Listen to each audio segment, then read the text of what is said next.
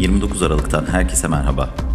Cumhuriyet Halk Partisi İstanbul Milletvekili Sezgin Tanrıkulu ve Ankara Milletvekili Levent Gök, 28 Aralık 2011 tarihinde Şırnak'ın Uludere ilçesine bağlı Roboski köyünde hava saldırısı sonucu hayatını kaybeden 34 kişinin mezarlarını ziyaret ederek aileleriyle görüştü.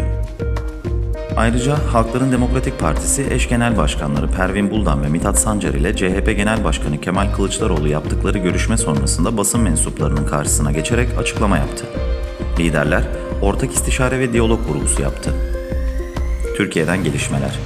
AKP Genel Başkan Vekili Numan Kurtulmuş, Habertürk yazarı Fatih Altaylı'ya İBB'nin işe aldığı kişiler arasında terörle iltisaklı bireylerin olduğu iddiası ile ilgili konuştu. Belediye kadrolarında terör örgütleriyle bağlantılı bir takım isimler olabilir. Buradan belediye başkanına sorumluluk çıkarılamaz diyen Kurtulmuş, Türk Silahlı Kuvvetleri'nde bir terör örgütüyle ilişkili binlerce insan bulunduğu için Genelkurmay Başkanı'nı mı suçladık ki belediye çalışanları arasında terörist bulunursa belediye başkanını suçlayalım. Böyle yaparsak kendimizi inkar etmiş oluruz ifadelerini kullandı.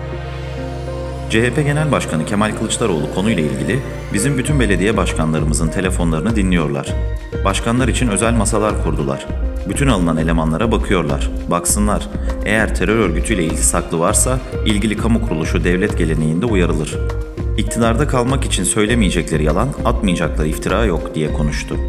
Cumhurbaşkanı adayı konusunda bir görüşmemiz olmadı. Erken buluyoruz. Hukuk, anayasa, özgürlükler konusunda görüş birliği sağlandı. Ekonomi konusunda da sağlanmalı. Bileşenlerle konuşursak Cumhurbaşkanı olacak kişinin devleti tanıması, bilmesi lazım. Biz popstar falan seçmeyeceğiz.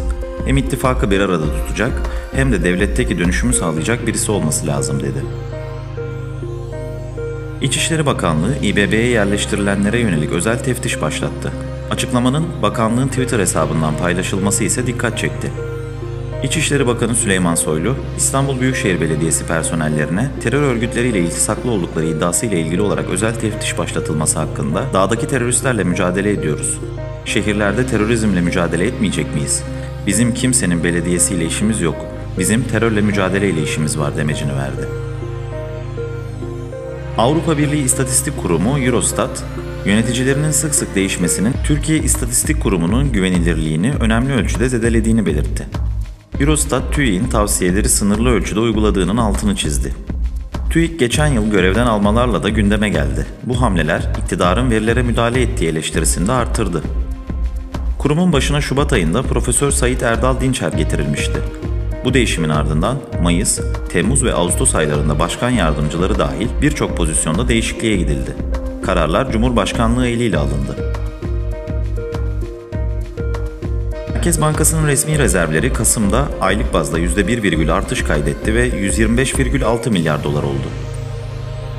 Enerji ve Tabi Kaynaklar Bakanı Fatih Dönmez, 2021'de 2,5 milyon tonu ihraç olmak üzere 2,6 milyon tonluk bor ürünleri satışı yaptık. Buradan 1 milyar doların üzerinde satış rakamı elde ederek rekor kırdık. Pervin Buldan ve Mithat Sancar, CHP Genel Merkezi'nde Kemal Kılıçdaroğlu'nu ziyaret etti. İstanbul'da silahlı ve bıçaklı bir kişi HDP Bahçeli Evler ilçe örgütü binasına saldırı gerçekleştirdi. HDP Grup Başkan Vekili Meral Danış Beştaş bir kişinin yaralandığını söyledi. CHP dövizdeki düşüş nedeniyle zarar eden vatandaşlara hukuki destek verme kararı aldı. Cumhurbaşkanı Recep Tayyip Erdoğan, cari fazla vermeye başlayacağımız günler yakındır dedi. Ticaret Bakanı Mehmet Muş, Türkiye ihracatta önemli bir değişimin ve dönüşümün eşiğindedir. Uzun zamandır aşamadığımız bir seviyeyi çok şükür bu yıl aştık. Önümüzdeki hafta Sayın Cumhurbaşkanımız ihracatta ulaştığımız büyük rekoru açıklayacaktır dedi. Dünyadan gelişmeler. Mısır'ı 3500 yıl önce yöneten 1.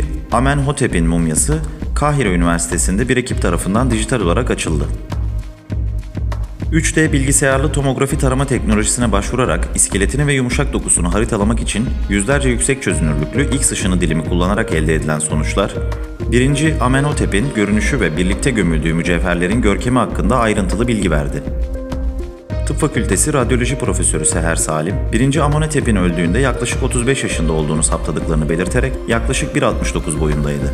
Sünnetliydi ve güzel dişleri vardı. Sargıların altında 30 muska ve altın boncuklu benzersiz bir altın kuşak takıyordu dedi. Boris Johnson bu hafta İngiltere'de herhangi bir yeni Covid-19 kısıtlaması getirip getirmemeye karar vermek için tıbbi danışmanlarıyla görüşecek. İskoçya, Galler ve Kuzey İrlanda, omikron varyantının yayılmasını durdurmaya yardımcı olmak için şimdiden yeni kısıtlamalara başladı. ABD Başkanı Joe Biden, pazartesi günü Covid-19'un omikron varyantı ile mücadele eden valileri destekleme sözü verdi. Ancak eyaletlerin pandemiyi kontrol etmede öncülük etmesi gerektiğini belirtti. Çin'in yerel Covid-19 vakaları yükseldi ve enfeksiyonların çoğu karantinaya alınan 13 milyon nüfuslu kuzeybatı şehri Xi'an tarafından bildirildi. Xi'an pazartesi günü için 175 semptomatik vaka bildirdi. Nomus'ta gelişmeleri dinlediniz. Bizlere morning.nomus.press adresi üzerinden ulaşabilirsiniz. Hoşçakalın.